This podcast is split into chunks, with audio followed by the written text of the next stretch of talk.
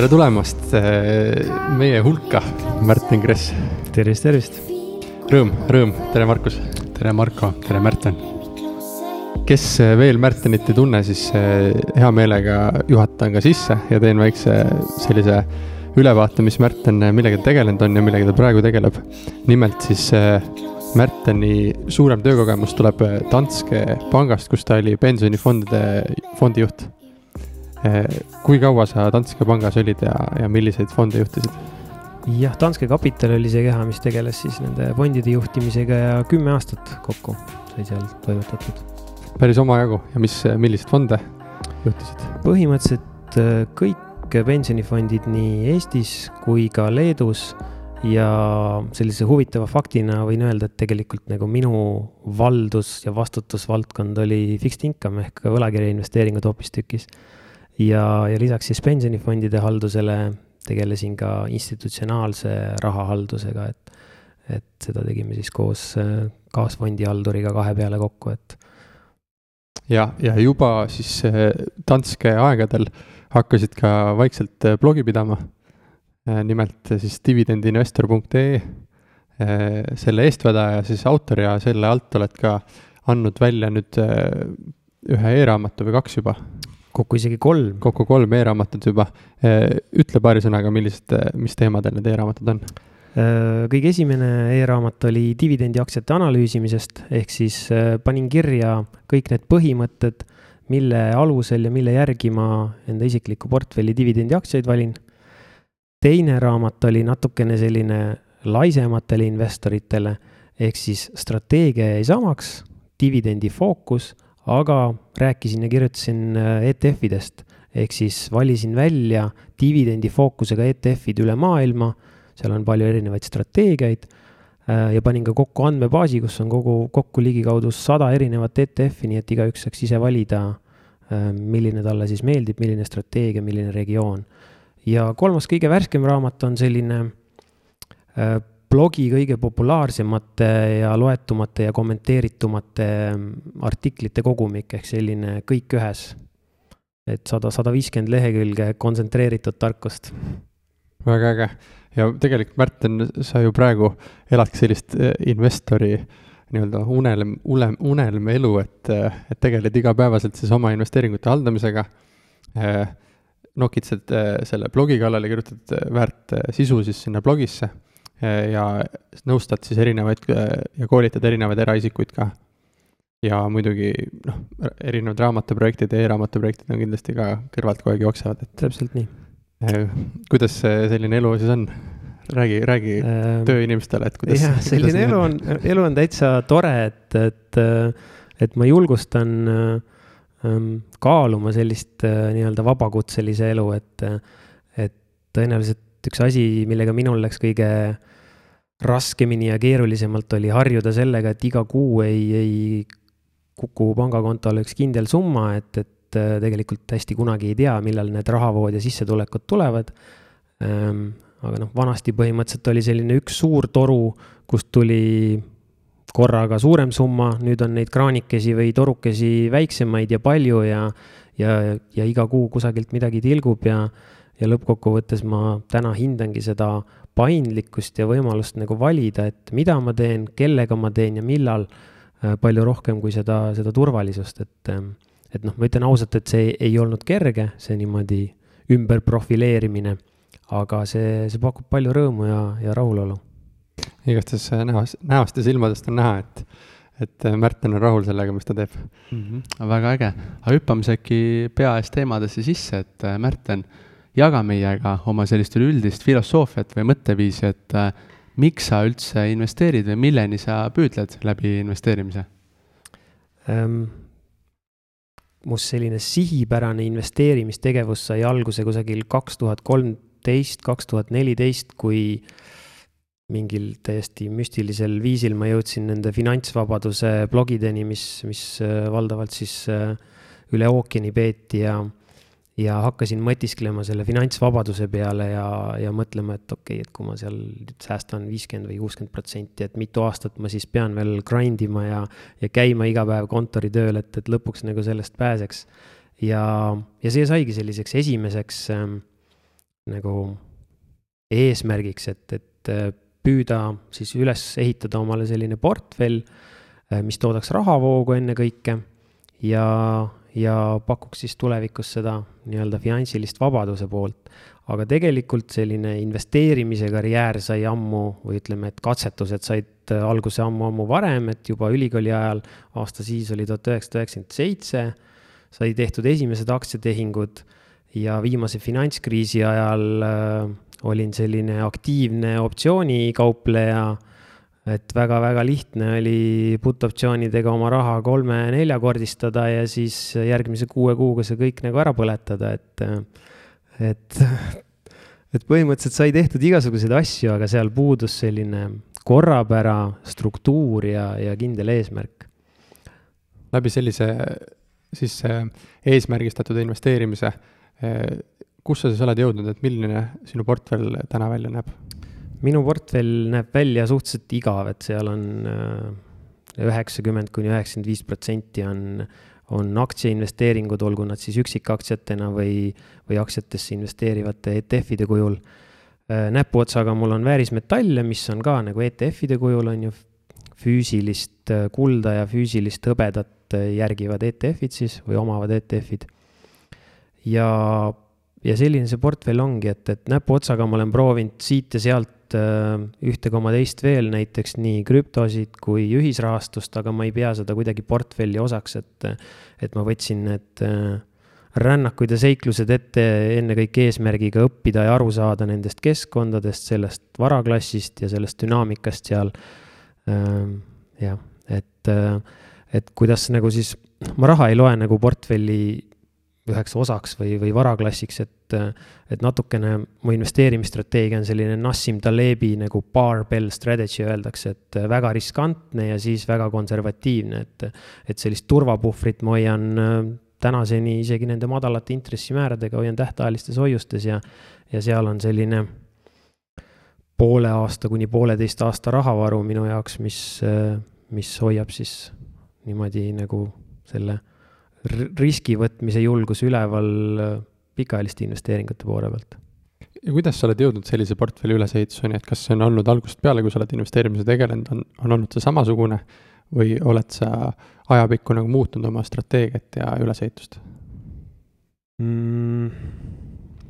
no ütleme, et esimesed sellised äh, mõistlikud rahapaigutused, mis, mis natukenegi sihipäraselt sai tehtud seal kriisi sügavustes kaks tuhat üheksa, kümme, üksteist, et, et seal ma võtsin nii võlakirjafonde kui aktsiafonde ja, ja oligi see meelsus, et noh, et võiks nagu olla mõlemat ja, ja kord üks tasakaalustab, kord teine tasakaalustab.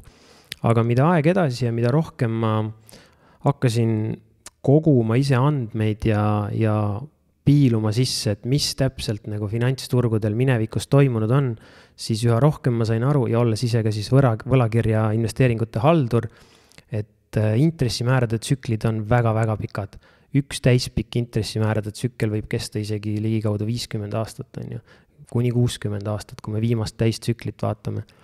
ja hästi lihtsustatult öelduna, et viimane kord intressimäärad olid nii madalal tuhat üheksasada nelikümmend pluss, on ju USA-s intressimäärad tipnesid tuhat üheksasada kaheksakümmend kaks, kaheksakümmend neli ligikaudu ja sealt alla on meil siis olnud selline hästi tugev pärituul võlakirja investorile.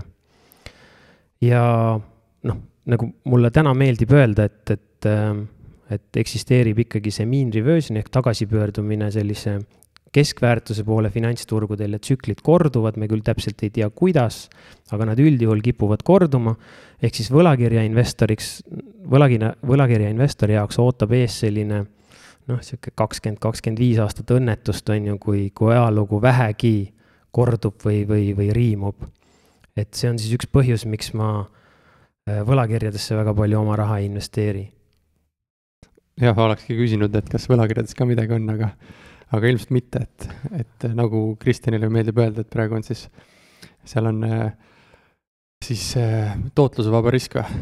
põhimõtteliselt küll jah, et seal tuleb muidugi eristada, on ju, et kui me räägime riigi võlakirjadest ja kui me räägime siis kõrge investeerimisjärgu krediidireitinguga ettevõtete võlakirjadest, et siis me saame öelda, et see, see vastutuul tõenäoliselt puhub päris pikka aega juba, seni kuni intressimäärad tõusevad.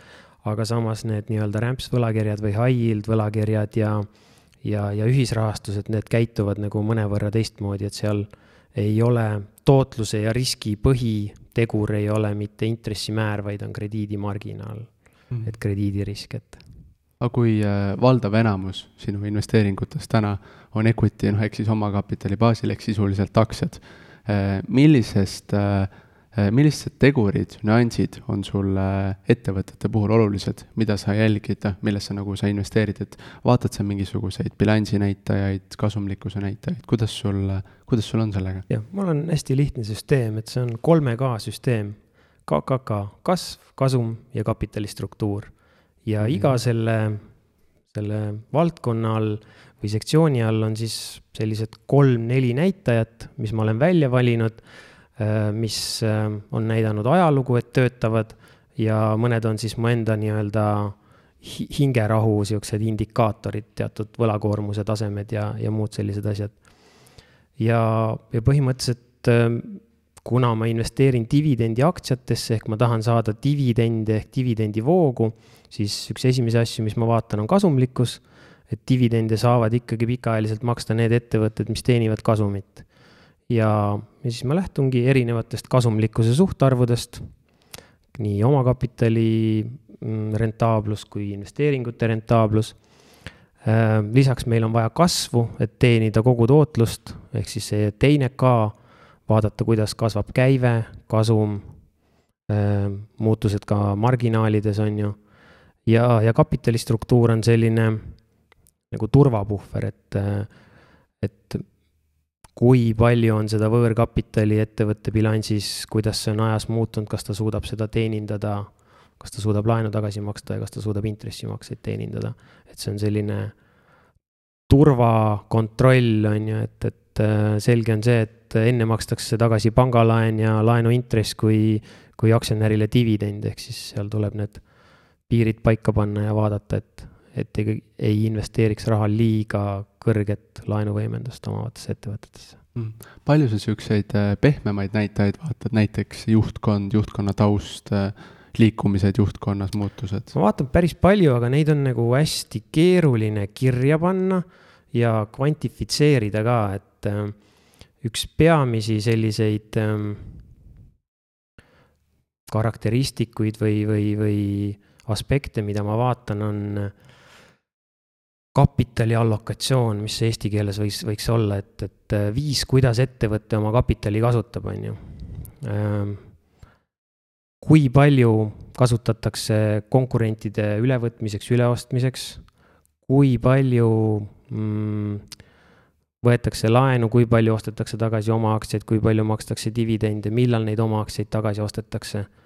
ja, ja tavaliselt sellised asjad, kui me räägime nüüd ähm, sellisest loomulikust arengukulust ja jätame välja mingisugused keerulised situatsioonid nagu General Electric, siis sellised asjad kipuvad olema nagu juurdunud organisatsiooni või ettevõtte sellesse DNA-sse või kultuuri, ehk siis tavaliselt tegevjuhi või, või finantsjuhi vahetusega väga suuri muutusi ei toimu, et, et, et ettevõtted, mis on kapitali hallanud edukalt ja tulemuslikult minevikus, pigem see inerts on siis see või magnet on see, et nad jätkavad nagu ka tulevikus sarnast kapitali jaotuse süsteemi mm. -hmm. kuidas sa toimetad üldse nagu sellega seoses, et kui sa hakkad ühte ettevõtet vaatama ja seda analüüsima, kust sa nagu peale hakkad, et sa praegu tõid selle kolme K süsteemi, mis sul on, aga mille vaatamisest sa alustad, mille sa endale põhiliselt alguses üldse selgeks teed, et kas selle ettevõtte edasine analüüsimine on sinu jaoks huvitav või tasub see kohe nii-öelda eemale panna? jah, kuna ma investeeringi dividendiaktsiatesse, siis selline esimene filter ongi, et kas ettevõte maksab dividendi ja kas tal on mingisugune minu jaoks arusaadav dividendipoliitika või välja öeldud mingisugune lubadus.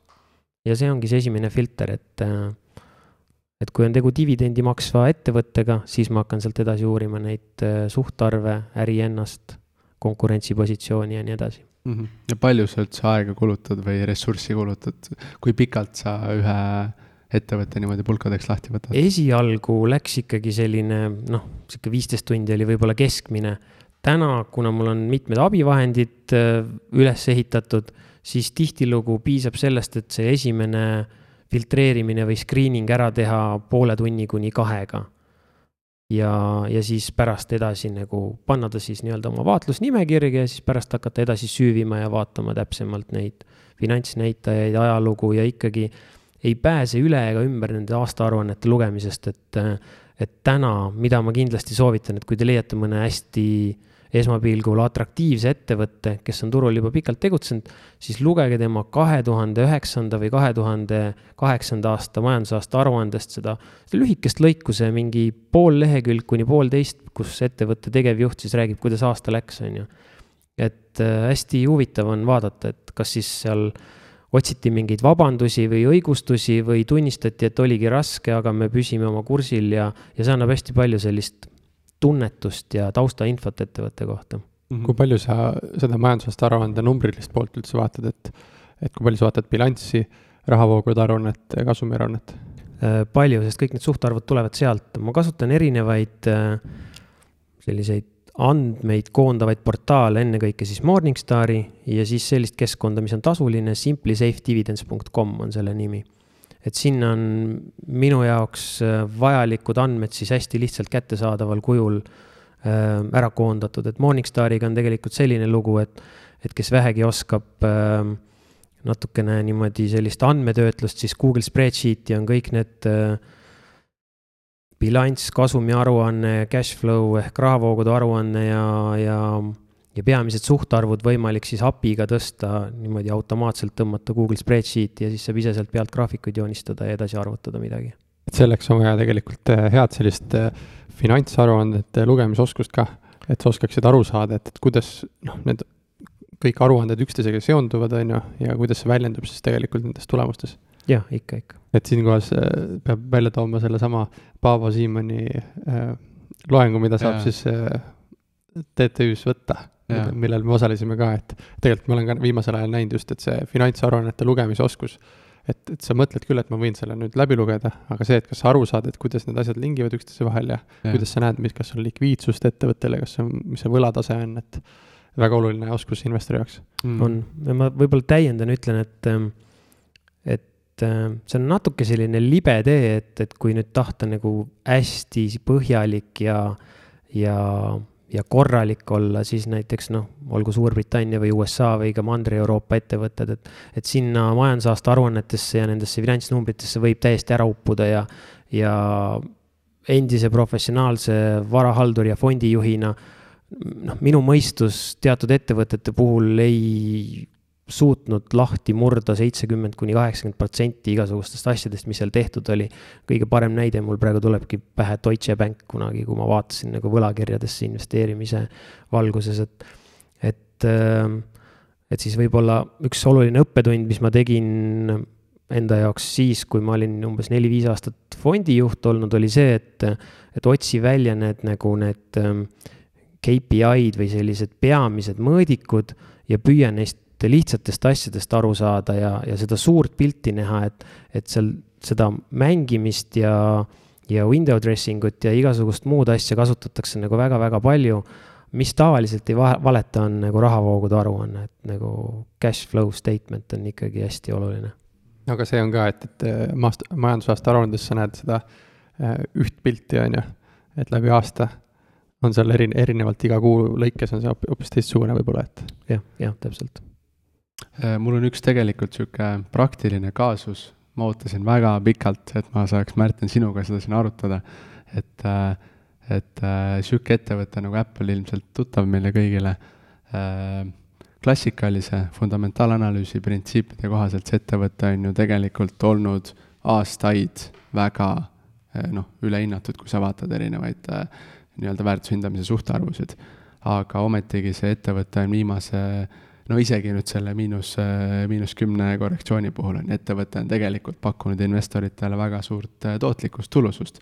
et ma vaatasin äh, eilse seisuga järgi, siis viimase kümne aasta jooksul täpselt kuupäeva pealt on ettevõte äh, tootnud investoritele ligi tuhat viiskümmend protsenti, mis teeb pea kakskümmend kaheksa protsenti aastaseks tootluseks. et anna natukene nõu meile, kuidas sellistesse ettevõtetesse üldse vaadata, mis ongi nagu klassikaliste printsiipide kohaselt ülehinnatud, aga ometigi neil on potentsiaali ja, ja võimekust, et kuidas sina nagu siukseid mhm. ettevõtteid vaatad, kui sa vaatad?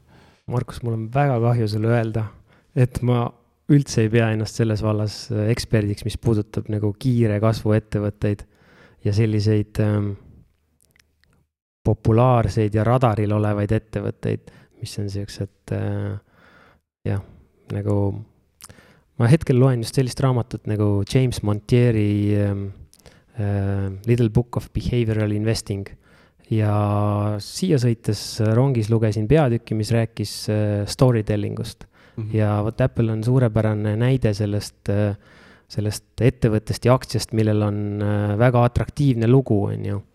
ja, ja tihtilugu kipubki nii olema, et, et äh, et me kunagi ei tea, kui, kui suured on need kasvumäärad või kui palju ta turuosa hõlmab või kui palju ta käivet või kasumit kasvatab. aga see lugu tundub nagu nii atraktiivne ja kui piisavalt palju inimesi seda usub, siis piisavalt palju inimesi ka seda ostab ja sinna raha allokeerib. see on pigem nagu selline, siin ei saagi fundamentaalselt läheneda sellele, et me peamegi pigem lähenema sellisest käitumuslikust aspektist. Ja, ja see on täitsa teine mäng, mulle tundub, ja, ja, mhm. ja kuidagi keeruline hinnata, et, et selliste looga ettevõtete ja aktsiate puhul ähm, kõige kriitilisem punkt ongi see, et aru saada, et mis on täna sisse hinnatud, ennekõike kasvumäär on ju, et kui suurt kasvu oodatakse ja siis võrrelda seda mineviku kasvumääraga ja enda kõhutundega, et, et kas ma tõesti usun, et see ettevõte, ma nüüd ei räägi Apple'ist, aga kas ma tõesti usun, et ta suudab kasvada iga aasta kakskümmend või, või kolmkümmend viis protsenti näiteks mm. -hmm mõne ettevõtte puhul kakskümmend protsenti aastast kasvu või viisteist protsenti võib olla täitsa realistlik.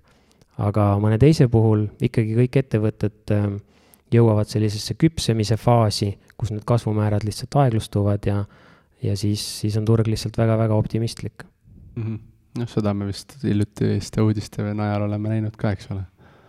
et äh, ja teine niisugune väga huvitav teema minu enda jaoks, ma tahtsin sinult küsida tehingute ajastamise kohta. et sa oled äh, oma blogis sellest kirjutanud, sa oled öelnud, et see on päris niisugune raske tegevus ja niisugune natuke tänamatu, aga ometi noh, ma olen lugenud, et sa nagu teed seda ja sa püüad ikkagi enda portfellis ka seda nagu rakendada. et äh, millised on niisugused head äh, nipid, mida nii meie, meie vaatajad, kuulajad saaksid rakendada, et oma tehinguid paremini ajastada mm? -hmm.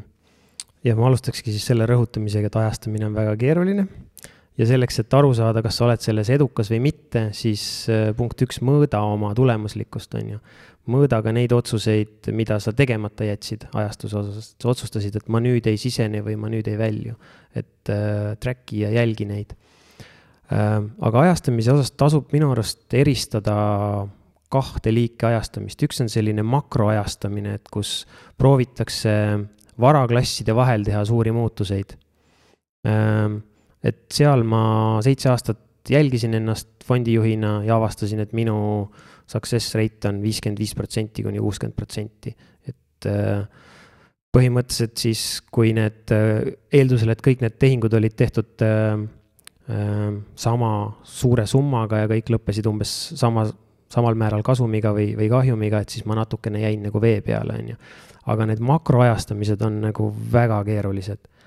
nüüd, mis puudutab üksikaktsia tasandil ajastamist, siis seal on veidi asi lihtsam ma leian, et, et ja just see on see, mida ma valdavalt siis oma portfelli heaks teen, et ma üritan pidada sellist vaatlusnimekirja aktsiatest, mis mulle huvi pakuvad, aga ma ei osta neid valimatult ja iga kell, vaid ma ostan neid siis, kui mulle tundub, et nende noh, hästi lihtsustatult ütlemegi, et valuatsioon on siis õiglase väärtuse lähedal või alla selle mm. -hmm.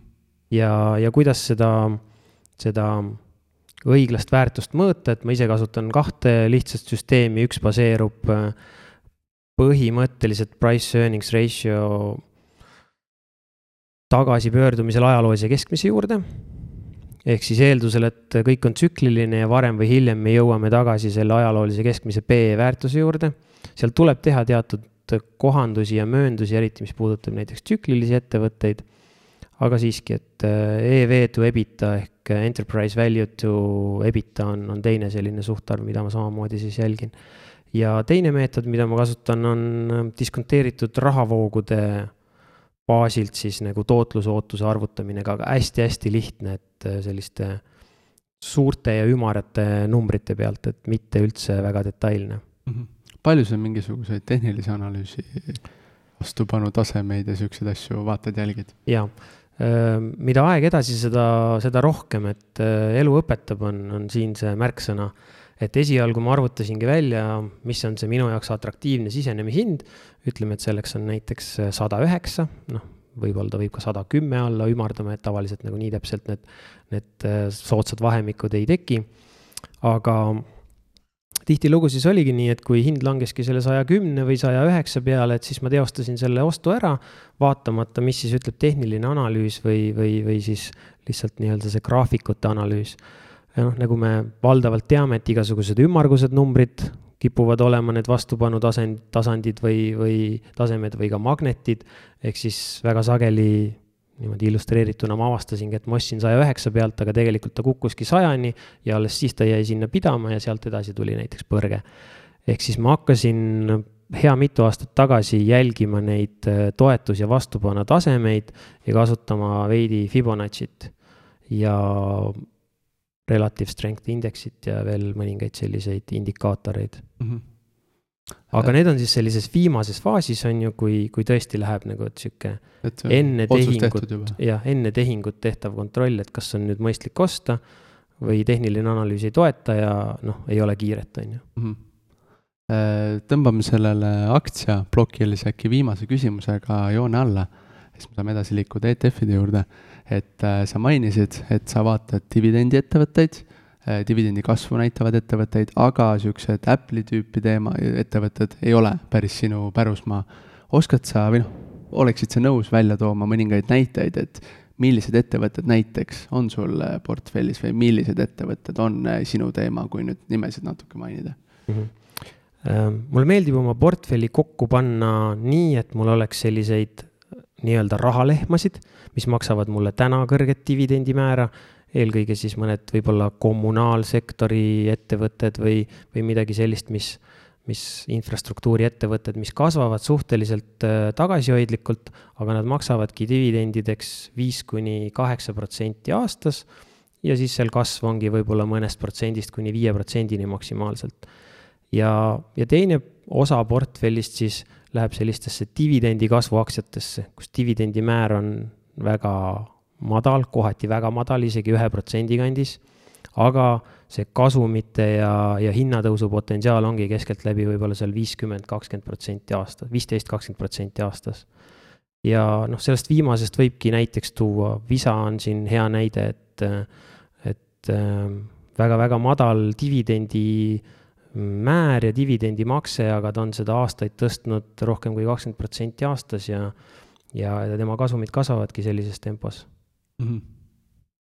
aga ütlesid jah, et, et, et üks osa portfellist on sul ka passiivsetes fondides ja siin tahakski küsida, et millist, milliseid fonde sa oled siis portfelli valinud? valdavalt on täna kõik siis sellised dividendi fookusega ETF-id ehk äh, ühel või teisel viisil siis äh, dividendiaktsiatesse raha paigutavad äh, fondid. osad neist on siis äh, keskendunud kõrge dividendimääraga aktsiatele ja teised siis pigem sellistele dividendi kasvu ettevõtetele või aristokraatidele. ja mille järgi sa valid ETF-e oma, oma portfelli, et mis on oluline nagu ETF-ide juures silmas pidada? et ma ise olen äh, valinud siis noh, kõige lihtsama kasvukonto äh, järgi valides, ma olen nagu vaikselt sealt ostnud, teades, et mul on olemas ka Interactive Brokers'i konto ja oli ka Linksi konto ja mõtlesin, et kas osta nagu otse või osta siis sealtkaudu, aga praegu olen siis kasvukonto peal igastahes, et, et mida üldse nagu, mis on need baasteadmised, mida vaja on, et ETF-i valima hakata? põhimõtteliselt ETF-i valimine saab alguse ühest tegurist, mis on kõige-kõige olulisem, on ju. kinnisvarainvestorid ütlevad, mis on kolm asja, mis on kinnisvara ostul kõige olulisemad. asukoht, asukoht, asukoht. täpselt, nii, ETF-i puhul on ka kolm asja. Indeks, indeks ja veel kord indeks. ehk siis millal iganes me ETF-i valima hakkame, et siis me peame aru saama, et kuhu meie raha läheb või, või mis see on see alusindeks, mida see ETF järgib, kui me räägime SNP viiesaja ETF-ist, siis me peamegi aru saama, et meie raha läheb ligikaudu viiesajasse USA suurettevõttesse. kui me räägime Stocks, Europe Stocks kuuesajast, siis meie raha läheb kuuesajasse suurimasse Euroopa ettevõttesse. ehk esimene samm ongi endale selgeks teha, et mis on selle indeksi sisu ja kuhu see raha läheb. see tundub võib-olla praegu selline, kui ma seda räägin, et äh, väga iseenesestmõistetav, aga tegelikult ei ole, et võtame korraks sellesama SNP viiesaja näite, et äh, et tegelikult seal me teeme kolm otsust, ilma et me ise aru saaks. punkt üks, me paneme raha USA-sse. punkt kaks, me paneme raha ainult suurettevõtetesse. punkt kolm, me paneme kõik raha dollaris. Ehk tegelikult sellise ühe lihtsa otsusega me teeme kolm allokatsiooni otsust. me jätame välja keskmise suurusega ettevõtted ja väikeettevõtted, mida finantskirjanduses äh, on ammu-ammu aastakümneid teada et väikeettevõtted keskmiselt ja keskmise suurusega ettevõtted näitavad paremat tootlust pikaajaliselt kui suured. me jätame välja kõik muud maailma valuutad. Ja, ja samamoodi siis me keskendume ühele riigile ainult mm. -hmm. selle sama SMP viiesaja näite puhul tegelikult sa teed ju neljanda otsuse ka veel, ehk siis millise teenusepakkuja fondi sa ostad. et äh, ma tahakski sult selle kohta küsida, et sul on äh, noh, SMP viissada siis järgivatest äh, tikeritest on näiteks IVV äh,, SPY ja VO näiteks, eks ole. et äh, kõik ju track ivad sama alusindeksit, aga ometi meil on kolm tükki neid. Et äh, millist, nagu mida sina vaatad, et äh, milles nagu, mille järgi sa otsustad, millise teenusepakkuja konkreetse sa selle fondi nii-öelda valid siis? nüüd mul lähevad silmad särama, sest nüüd me läheme sinna maailma, mis on minu jaoks põnev, ehk me läheme sügavale asjade detailidesse. no nii ja, ja, ja see peamine indikaator või, või karakteristik, mida vaadata, on tracking difference. ehk siis ähm, kui hästi suudab konkreetne ETF oma alusindeksit järgida. kui meil on täpselt sama alusindeks, siis me peamegi otsima ETF-i, mis kõige-kõige paremini järgib seda indeksit. hästi palju räägitakse, et valime kõige odavama ETF-i, mille TER ehk total expense ratio on madalam jah, see on osa sellest, aga tracking difference on siis nõnda hea mõõdik, et ta sisaldab endas ka seda kulukuse määra. ja kui me nüüd räägime konkreetselt SNP viiesaja ETF-idest, siis äh, siin tuleb kasuks jälle finantsturgude ajaloo tead-, teadmised, et äh, kõige vanem ETF neist ehk SPY äh, on sellises usaldusfondi struktuuris üles seatud ETF, millel on selline hästi veider karakteristik, et ähm, tegu on ette, tegu on dividende välja maksva ETF-iga, iga kvartal ta maksab dividende ja põhimõtteliselt, kui seal ETF-is olevad firmad maksavad dividende, siis ETF maksab need edasi investorile. nüüd selle SPY puhul on selline omapärane omadus, et, et tänu sellele mm, trust'i vormile ta peab koguma kõik need dividendid kokku, terve kvartal, on ju, iga ettevõte maksab eri ajal ja siis ta tohib need niimoodi välja maksta korraga. nüüd IVV ja Voo puhul on juriidiline struktuur teine ja nemad ei pea hoidma seda rahajääki. Nemad võivad äh, siis, kui on ETF-i dividendide väljamakse, siis nad võivad midagi maha müüa, mida on kõige kuluefektiivsem müüa ja maksavad niimoodi dividendid välja või seal on isegi veel muid karakteristikuid, mida ETF-i fondivalitsejad kasutavad, mille nimi on distribution trade.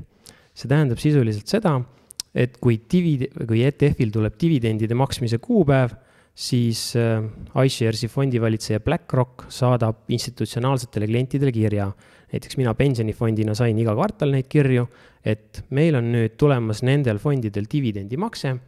kas te tahate osta neid ETF-e? kui me ütlesime jah, me saime kas Naviga või, või isegi mingi noh, ütleme turust soodsama hinnaga sinna sisse. meile anti osakud vastu, fondivalitseja sai raha, mille ta sai edasi maksta dividendimakseteks, ilma et oleks pidanud midagi müüma mm. -hmm. väga palju on ju selliseid, ütleme, noh, ma olen märganud, et äh, fondi sa saad ju ehitada ka niimoodi, et sul on, ütleme, äh, turukapitalisatsiooni alusel on äh, nagu su osakaalud fondis on võrdsed ja on pöördturukapitalisatsiooniga. mis sa nendest arvad või, või mis nägemus nende osas on mm.? Nende eri tüüpide jah, osas? ma vaatan tavaliselt ikkagi siis seda jälle ajalugu ja, ja andmeid, on ju.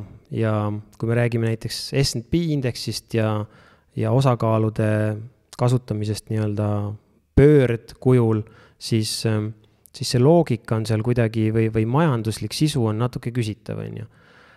kui me räägime equal weight ehk võrdsete osakaalude andmisest, siis ähm, tavaliselt see equal weight ETF SNP puhul on näidanud paremat tootlust kui ähm, turukapitalisatsiooni alusel.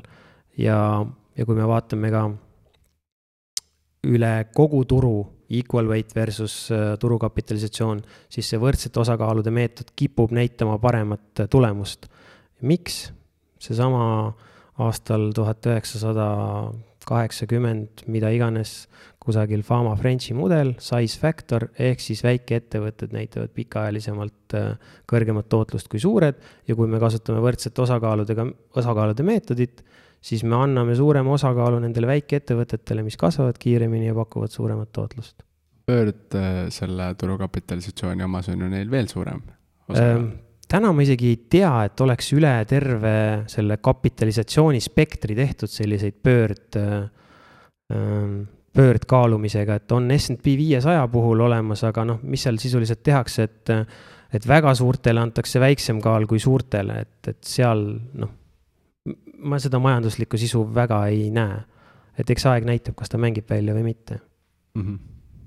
aga kui räägime nüüd natuke strateegiatest, kuidas siis neid äh, passiivseid fonde endale portfelli valida, et äh, kas sul on ka mõned strateegiad välja tuua, mille, mida sa oled ise kasutanud ja, ja mida on teised investorid kasutanud? ma olen seda usku, et äh, iga pikaajalise aktsiainvestori portfellis võiks olla sellisena nagu kindla vundamendiga laiapõhjalised ETF-id. ja laiapõhjalised tähendab siis seda, et, et nad hõlmavad enamusi regioone või riike maailmast, et nad hõlmavad äh, erinevas suuruses ettevõtteid, ehk siis suured, keskmised, väiksed, et see valuutakorv seal sees oleks hajutatud ja nii edasi, ehk siis see alustala võiks olla üks, üks hea laiapõhjaline globaalne ETF. tore, kui selles samas ETF-is oleks kohe sees nii arenenud tööstusriigid kui ka arenevad riigid. kui ei ole, siis võib neid ise kombineerida, on ju. ja minu portfellis teine ongi see enne mainitud dividendifookusega ETF-ide pool, et, ähm, et ähm, olen neid siis hoogsalt äh, ostnud ja, ja mõningaid ka maha müünud, sellepärast et, et, et eks see tõde selgub ikkagi läbi praktika ja ise investeerimise, et, et, et nii mõnigi neist äh, ei tööta nii, nagu see kirjeldus lubaks arvata. sa tegid mingi analüüsi ka, et, et saad jagada natuke, et mis avastasid siis äh, mõnede fondide puhul, mis alguses tundusid väga ägedad, aga siis äh, hiljem nägid, et, et nad täpselt ei tegutse nii, nagu need äh, nii-öelda, nagu kirjas oli. jah, see peamine mure seal on sage fondi komponentide tasakaalustamine. ehk siis need dividendifookusega ETF-id on välja valinud hulga kriteeriume, millele iga investeering peab vastama. ja juhul, kui mingi ettevõte ei vasta nendele kriteeriumitele, siis ta visatakse sealt välja ja tuleb midagi uut asemele. Ja teatud ETF-ide puhul natuke liiga sageli kontrollitakse neid kriteeriume ja natuke liiga sageli tehakse neid vahetusi, ehk mis siis juhtub, on see, et need väärtusinvesteerimise maigus, maigulised ettevõtted, mis on nagu nii-öelda peksupoisid olnud, neile ei anta piisavalt aega, et nad saaksid taastuda ja pakkuda seda kogutootlus või hinnatõusu potentsiaali, mis neis tegelikult peidus on. Et noh, minimaalselt aastas korra dividendifookusega ETF-id äh, teevad seal revisjoni ja, ja tasakaalustavad, on ju. aga tihtilugu sellised väärtusettevõtted vajavad kaks kuni kolm aastat, et see potentsiaal sealt niimoodi saaks lahti lukustatud. milline see üks äh, fond äh, oli, mille puhul sa seda märkisid? see on tegelikult praktiliselt terve perekond iSharesi dividendi ETF, et oli seal nii iShares uh, emerging market dividend kui iShares Pacific dividend. et see oli see, see ETF-ide perekond, mis mulle ennekõike silma jäi. ja mis see, see alternatiiv oli, mis sa siis leidsid selle asemel? mis see teenuse pakub juures? rohkem raha üksikaktsiatesse, siis ma saan täpselt valida, mis mulle ikkagi meeldib ja mis ei meeldi. praegu sai seda teed mindud ja kuidas see allokatsioon sul praegu on, kui tohib küsida, et see, kui palju siis üksikaktsiates ja kui palju siis läbi passiivsete fondide? ligikaudu ma arvan et, et seitsekümmend viis protsenti on üksikaktsiad, kakskümmend viis on ETF-id, et, et ideaalis mulle meeldiks, kui oleks ligikaudu pooleks, on ju, aga aga noh, tuleb endale ka aru anda, et osta tuleb asju siis, kui, kui hind on hea või õiglane ja vägisi ei tasu nagu portfelli struktuuri ainult selle eesmärgi ja sihi pärast nagu punnitada kokku panna, teades, et sa tegelikult ostad, on ju, halval ajal, et. aga üks levinud strateegia on veel see, et, et soovitatakse siis äh, indeksfonde osta väikeste summadega ja hästi siis järjepidevalt, näiteks et läbi kasvukonto osta iga nädal kas või kümne euro eest ja nii teha siis järgmised kakskümmend aastat, et kas see nii-öelda ostustrateegia on hea mõte või on sul äkki mõnda, mõningaid muid mõtteid? jaa, et eks ähm, matemaatilised arvutused näitavad, et see ostuhinna keskmistamine on, on nagu väga hea ja tänuväärne strateegia. ennekõike siis just sellepärast, et mida kallim on hind, seda vähem sa saad äh, tüki järgi ehk kallima hinnaga ostad vähem, kui, kui ostad odava hinnaga Ehm, üks asi, mida seal siis jälgida, ongi see, et, et need tehingutasud ei läheks liiga suureks, kasvukonto puhul seda muret siis, siis väga ei ole, et, et ma saan aru, et seal on see fikseeritud ühe protsendi tehingutasu reegel, on ju. Ehm, üks selline praktiline strateegia, mida ma ise kasutan ja, ja soovitan ka inimestele, kes minu juures käinud on, et kui neile saab välja valitud selline kaks, kolm või neli ETF-i, mida oma portfelli kaasata, siis tegelikult nüüd eeldusel, et me räägime laiapõhjalistest ETF-idest jällegi, et, et olgu need siis näiteks arenenud riigid versus arenevad või Euroopa versus USA või midagi taolist, on ju, piisavalt laiapõhjalised, siis iga kuu osta mahajääjaid. Ja vaadatagi, et iga kuu näiteks, kui viieteistkümnendal ma teen ostutehingu või ka kord kvartalis, siis ma vaatangi kolm kuni kuus kuud tagasi ja ostan seda ETF-i või neid kahte ETF-i, mis on kõige rohkem langenud või mis on kõige vähem tõusnud ehk siis ma alati regulaarselt panen raha sinna regioonidesse ja, ja sellistesse mm, kas siis turusegmentidesse, mis äh, ei ole hetkel nii populaarsed, ehk ma saan oma raha eest nii-öelda rohkem. ja, ja väldin siis neid, mis hetkel on väga tugevat hinnatõusu kogenud. kas selline näide on siis pädev, et, et sul on näiteks äh, USA-d, äh, jälgib siis indeksfond, siis on Euroopa ja siis on Aasia ja mingid äh, võib-olla veel Lõuna-Ameerika. Ja, ja et sul on näiteks neli tükki ja siis äh, seda strateegiat saab nende puhul kasutada? jah, põhimõtteliselt küll, et, et üks asi, mida siis aeg-ajalt tasub kontrollida, on see, et, et see portfelli enda struktuur ei läheks nagu väga kusagile poole kiiva, on ju, et me ei taha omada lõpuks ainult Lõuna-Ameerika aktsiate portfelli näiteks, et siis äh, näiteks ma ei tea, kui me investeerime igakuiselt, siis iga neljandal või viiendal kuul teha tasakaalustav ost ja osta neid teisi ikkagi nagu järele, on ju. või, või kui me investeerime kvartalis korra, et siis, siis aastas korra osta neid, neid teisi ka sinna portfelli ikkagi juurde. kui me nendest äh, globaalsetest indeksitest praegu rääkima hakkasime, siis ma tegin äh, kodus niisuguse väikse research'i, vaatasin, et, äh, et noh, laialt, laiast nagu üleüldiselt on selline äh, osta ja haju, hajuta nagu ütleme, osta ja hoia meelsus ju, eks ole, levinud. et eh, pikal plaanil üle majandustsükli või üle mitme majandustsükli sa oled oma rahaga turul ja noh, nagunii pikas plaanis ta kasvab, eks ole. aga ma leidsin ka indekseid, eh, mis ei ole tegelikult üle pikema perioodi või üle ühe majandustsükli nagu nii reibast eh, kasvu nagu näidanud näite, üks nendest äh, näidetest on Shanghai komposiitiindeks näiteks, mis on kümne aasta peale, ma vaatan praegu, kakskümmend kuus koma kolm protsenti kasvanud, et see teeb aasta baasil nagu väga nõrga tulemuse. et äh, mis sa nagu sellest arvad, et kui lollikindel see osta ja unusta strateegia kasutamine ikkagi on ja millised võiks nagu alternatiivid sellel olla? Selle osta ja hoiaga on nagu see kõige suurem mure ongi see, et kui me ostame midagi, mis on mullistunud, et me alustame investeerimist mitte lihtsalt majandustsükli nagu sellises tõusufaasi tipus või, või laineharjal, aga me hakkame investeerima ja ostame midagi siis, kui tõesti ongi mullistunud, et, et Hiina turul oligi selge mull seal aastal kaks tuhat viisteist, kuusteist, kui ma ei eksi, on ju, et viisteist pigem. Ja teine hea näide on Jaapan, on ju, kus samamoodi oli mull ja, ja aastakümneid ei suutnud need indeksid, aktsiaturu koguindeksid siis oma uusi kõrgtasemeid välja võtta, et et tegelikult ka tehnoloogia mull on hea näide, et väga-väga kaua äh, aega ja noh, paljude aktsiate puhul, ma ei tea, mul Cisco tuleb praegu meelde, kui ma paar aastat tagasi teda vaatasin, et et see tehnoloogia mulli kõrgtase noh, ei, ei, ei pruugigi saada saavutatud niipea, on ju.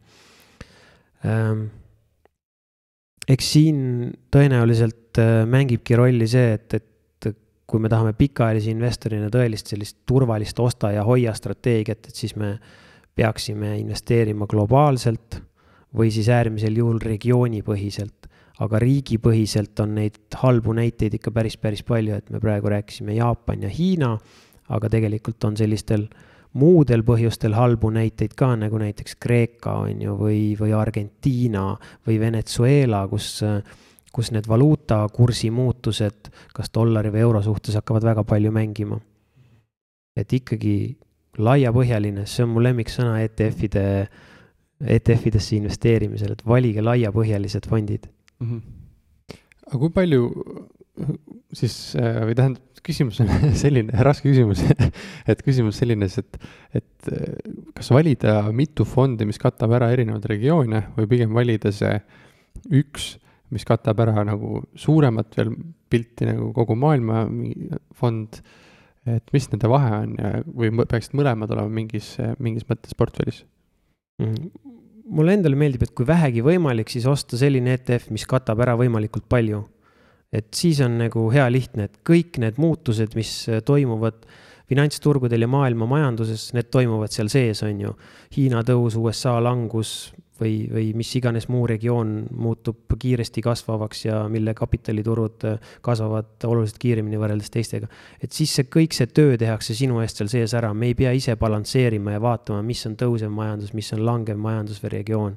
et kui vähegi võimalik, siis võimalikult palju riike ja regioone hõlmav ETF ja samas ka kõiki neid erinevaid turukapitalisatsiooni tasemeid hõlmav ETF ehk siis large cap, mid cap, small cap selliseid ETF-e on tegelikult väga-väga vähe.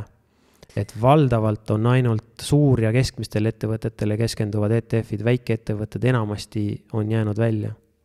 et siis ETF-ide sees nii-öelda sa enam lisaks ei fokusseeri, et pigem otsid mingi ETF-i, mis katab võimalikult noh, hajutab võimalikult palju ära. et, et sees enam ei otsi, et nüüd võtaks seda tehnoloogia ETF-i, mis ainult tehnoloogia aktsiatesse panustab ja pigem mitte jah, et noh, seal tuleb see mm, sektori ja makroajastamine on ju väga eredalt pinnal, et, et kui me regulaarselt ostaks seda tehnoloogiasektori ETF-i, et võib-olla siis oleks lugu teine, aga kui me teeme selliseid ühekordseid ostusutsakaid ja, ja üritame kaasa minna mingisuguse meediast kuuldud põneva loo või, või meelsusega, et siis me pigem nagu võtame rohkem riske, kui sellest potentsiaalset tulu võiks olla üks selline kõrvalpõikav küsimus, mida me ette valmistanud ei ole, aga mis tundus, tundus huvitav, et paljud räägivad sellest, et see ETF-ide mull ka mingis osas lõhkeb mingi hetk, et kui liiga paljud inimesed hakkavad siis passiivselt investeerima, siis siis see mull nii-öelda läheb katki, et mis sa selle kohta öelda oskad? seal neid detaile, mida kasutatakse nii poolt kui vastuargumentidena, on, on nagu hästi-hästi palju ja erinevaid, on ju, et, et ähm, võib-olla nagu hästi maalähedaselt öeldus, öeldes on nagu hea vastus sellele see, et, et, et kõik ei hakka korraga dieeti pidama ja kõik ei hakka korraga trennis käima, et, et samamoodi on suhteliselt vähetõenäoline, et, et kõik investorid mingil ajahetkel lõpuks ongi ainult nendes passiivsetes fondides. nüüd tegelikult seal kusagil eksisteerib see, see tasakaalupunkt, kus äh, ei pea olema sada üheksakümmend või kaheksakümmend protsenti passiivsetest strateegiatest, võib-olla piisab ainult kuuekümnest, et turu mikrostruktuur hakkaks muutuma. aga mis mina olen leidnud, et, et mis mind kuidagi nagu julgustab, on see, et kui ma loen fondivalitseja Vanguardi enda, mitte tema fondide, aga selle ettevõtte aastaaruannet, siis ähm, näiteks seal on selline statistika, et ähm, kas see oli viiskümmend kaheksa protsenti või ligikaudu kuuskümmend protsenti äh, ettevõtete aktsionäride aasta koosolekutest, kus nad käisid, nad olid vastu nendele ettepanekutele, mida siis ettevõtte juhtkond tahtis teha, olgu selleks omale optsiooniprogrammi suurendamine või, või mingisugused muud strateegilised muudatused. ehk siis me küll arvame, et turgu hoiavad ja ettevõtted hoiavad ohjes erainvestorid ja hedge fondid või aktiivsed fondijuhid, aga tegelikult needsamad suured fondivalitsejad, olgu selleks BlackRock või Vanguard, neil on väga-väga aktiivne aktsionäride koosolekul osalemise ja hääletamise selline äh, tase ja, ja, ja, ja, ja aktiivsus siis ütleme nii, et, et noh, meie tõenäoliselt ei, ei vaevu hääletama äh, ka fondijuhtidena me väga, kui me soetasime Eesti pensionifondi juhina siin äh, mõne Ameerika suurfirma aktsiaid, siis, siis noh, me tundsime, et meie häälel ei ole nagu mingit kaalu, on ju. aga Vanguard ja BlackRock on nii suured, et nemad näevad, et nende häälel on kaalu ja, ja nad hääletavad juba päris sageli Äh, nende otsuste vastu, mis tunduvad nagu ebaõiglased või, või halvad. ja kui ma rääkisin ühe investoriga teine, ükskord äh, näiteks Aasia ETF-ide ostmisest, siis, siis tema mainis seda, et, et tema iseenesest ei, ei tahaks nagu seda Aasia ETF-i iseenesest osta, et ta parem, parema meelega investeerib siis mõnesse USA suurde ettevõttesse, kes on levinud ja kes teeb ka äri siis Aasia turul et siis ta saab osa sellest Aasia turu näiteks potentsiaalsest kasvust, mis, mis võib tulla, kuid äh, ei pea olema kursis Aasia turu eripäradega. Ja, ja tänu, tänu sellele siis ta ei saa sealt Aasia turult, ei jää kuidagi sellest kasvudest ilma, et näiteks Hiinas oli näide, kuidas äh, palju sellist noh, turule, investorile ei jõua see kasv kohale, sest et äh, ettevõtted teevad seal muudatusi, mis sööb ennem kasvu ära. jah, ja see kõlab täitsa mõistlikult, et, et nende arenevatesse riikidesse investeerimise ja nende piiriturgude ehk frontier market'isse investeerimise puhul ongi tegelikult hästi oluline, et see, see seadusandlik pool ja institutsioonid oleks ikkagi nagu, nagu sellised piisavalt äh, heal tasemel, et me paneme oma raha sinna sisse ja, ja me teame, et see raha on nagu niimoodi mõistlikus ulatuses kaitstud ja seal ei eksisteeri riigistamise ohud ja, ja muud sellised asjad, on ju ja, ja no Aasia on äh, kurikuulus igasuguste suuremahuliste korporatiivpettuste poolest, on ju, et, äh, et jah. Aga kui me nüüd rääkisime hästi palju nendest ETF-ide strateegiatest erinevatest, et äh, aktsiaomadel, aktsia ja dividendiaktsiate valimisel me nii palju sellest rääkinud, et milliseid strateegiaid võiks kasutada dividendiaktsiate valimisel ja ostmisel ähm,? nagu ma enne korra mainisin, et siis sellised ähm, kaks äh, gruppi, mida mulle endale meeldib eristada, ongi need aeglaselt kasvajad ja kõrged dividendimaksjad ehk rahalehmad. Ja teine on siis need kasvuettevõtted, dividendi kasvuettevõtted, mis maksavad regulaarselt dividende ja ikkagi kasvatavad neid dividende keskeltläbi ikkagi inflatsiooni ületavas äh, tempos. Äh, selline viimase aja avastus, mis on kuidagi mulle nüüd radarile jäänud, on, on see, et kui pikalt, pika tegutsemisajalooga ja pikalt dividendi maksnud ettevõtted ähm, mängivad oma tooteportfelli ümber ja teevad spin-off'e, ehk siis nad eraldavad mingi oma tooteüksuse või valdkonna ja annavad ta nii-öelda, lasevad ta vabaks ja, ja tegu saab olema iseseisva ettevõttega ja see noteeritakse börsil. et ähm, ma olen avastanud, et väga sageli juhtub seda, et kui tegu on väga suure ettevõttega, mis teeb spin-off'i, aga see spin-off ise on pigem keskmise suurusega või väikeettevõte turukapitalisatsiooni mõttes, siis fondijuhtide jaoks on see igavene nuhtlus, sest nad saavad oma portfelli millegi, mida ei ole nende võrdlusindeksis. ehk mida siis tehakse, esimestel kuudel müüakse seda positsiooni maha, sest et, et kui sa omasid ettevõtte, nii-öelda emaettevõtte aktsiaid ja said selle värske tütre ka, siis tegelikult sa seda ei taha, kuna see ei ole sul võrdlusindeksis ja see ei ole sinu investeerimisstrateegias. ja siis seda müüakse maha ja selle müügisurvega siis kaasneb nagu tavaliselt selline või päris sageli hinna langemine nagu sellesse soodsasse ostutsooni või allapoole oma õiglast või sisemist väärtust. ja, ja tihtilugu sellised tugevad dividendimaksjaid on, on päris palju selliseid spin-off'e teinud ja sealt leiab täitsa huvitavaid äh, ettevõtteid. et üks suuremaid spin-off'e, mis ähm, nüüd tulemas on, tõenäoliselt äh, kas selle aasta teises pooles või järgmises aastas, on United Technologies'i nimeline kompanii, kes muuhulgas toodab näiteks Otise kaubamärgi all lifte ja nüüd ta tahabki need äh, lifti äri ja, ja, ja muud ärid kõik eraldada, et tal on kolm ärisuunda ja tahab ettevõtte kolmeks lüüa, et, et saab olema põnev jälgida, mis seal toimub see on tõesti põnev jälgida. äge nagu spetsiifiline, ma ei teadnudki või noh, ma ei olnud kunagi osanud nagu arvata sellest, aga kui sa kuulatud juttu, siis see on hullult nagu loogiline praegu. nüüd, nüüd tuleb teine armee vastu, kes hakkab siis üle, üles ostma neid, et. täpselt, täpselt, et head ostukohad tekivad sealt ju lõppkokkuvõttes. aga viimane, neljas teema, tegelikult tahaks sinuga rääkida natukene makroväljavaatest ka et äh, ma ei küsi seda, mida sa arvad äh, tänasest ja mida, mis tuleb homme, aga ma küsiks niipidi, et äh, kuidas sina hindad üleüldiselt turuolukorda, et millised on niisugused erinevad tegurid ja indikaatorid, mida sa kasutad siis tänase turu tervise hindamiseks mm? -hmm. ma ütlen ausalt, et ma ei jälgi regulaarselt makroindikaatoreid ikka uudisnupud jäävad silma ühe, teise või kolmanda riigi kohta.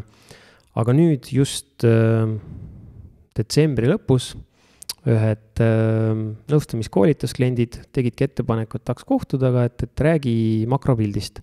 ja siis ma võtsin ette, et investeerimispangad annavad äh, iga aasta detsembris välja sellised hästi põhjalikud aastaraamatud ehk siis järgmise aasta makroväljavaade ja, ja seal noh, kõige asjalikum osa on see, mis puudutab siis äh, äh, käesoleva olukorra kirjeldamist ja samamoodi neid prognoose, mis nad teevad ja võrdlus sellega, kuidas nad oma prognoosi näiteks muutnud on.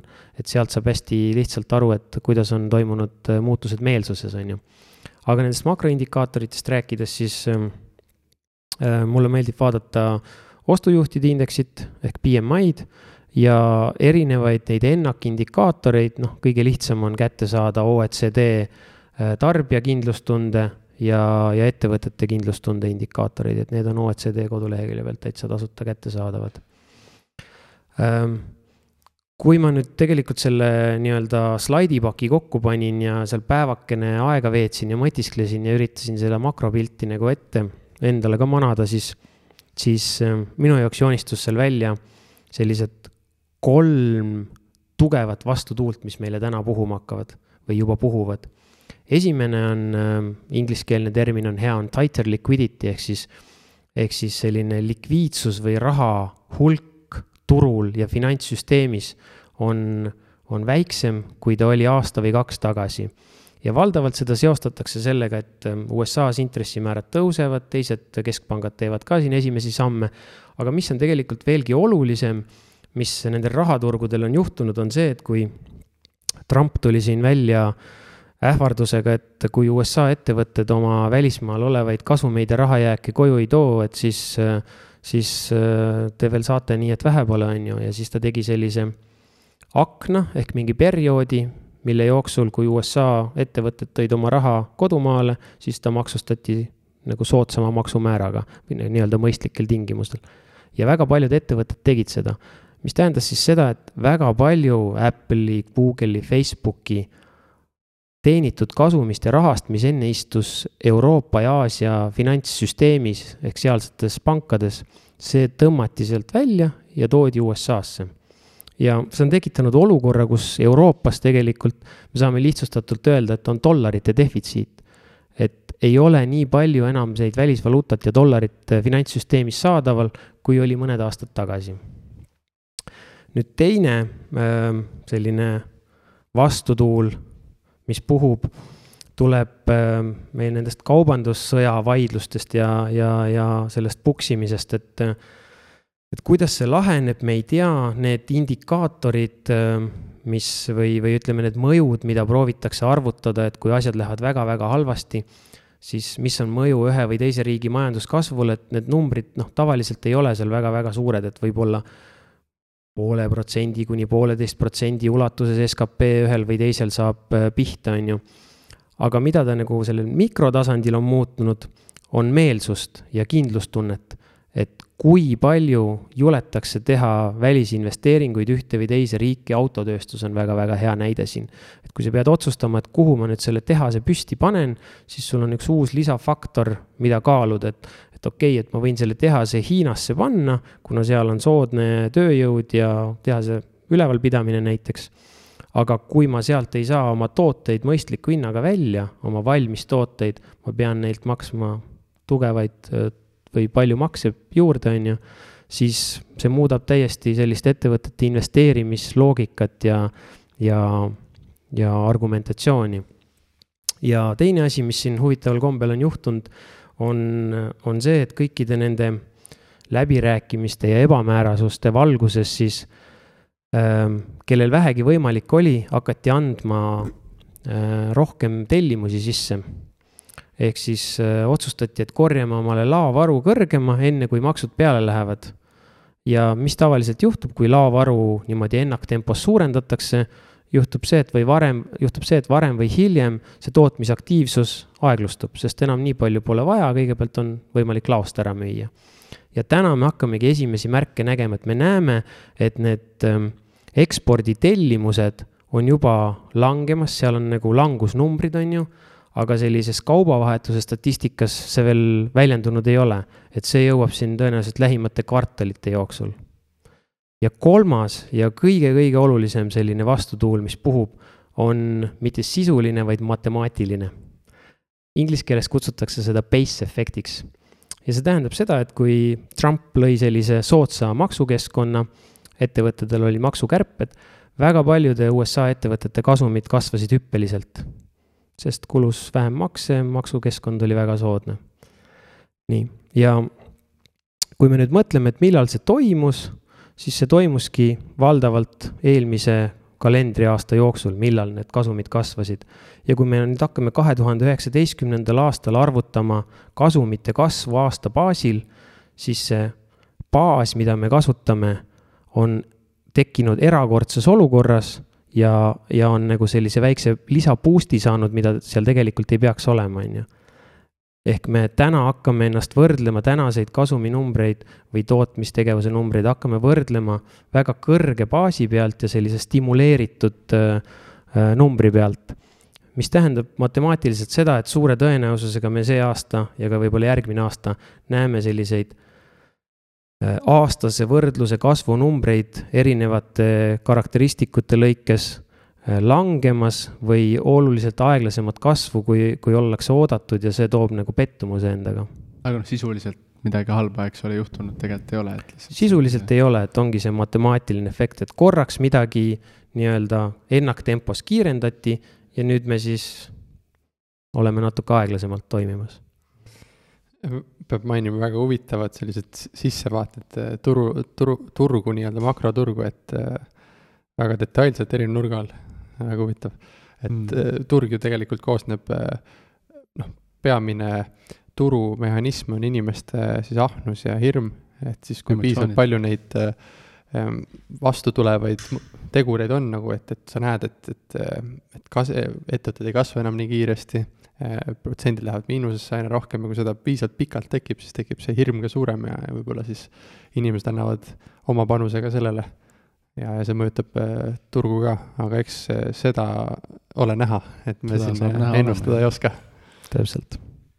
põnevad ajad, jah Eh, milliseid äh, sektoreid või regioone sa endale täna, ütleme, atraktiivsetena näed, et sa küll ütlesid, et sa ei tegele niisuguse väga suure makropildi kaardistamisega, aga kas on mingeid niisuguseid huvitavamaid asju, mis on sulle radarile nagu jäänud, mõtteid, ideid? jah, noh, hästi lihtsustatult saab öelda, et kui näiteks äh, meie ETF-i portfell sisaldabki regioone, et Ameerika versus Euroopa, siis selgelt täna on see, kus me võiks osta pigem Euroopat kui USA turgu, on ju.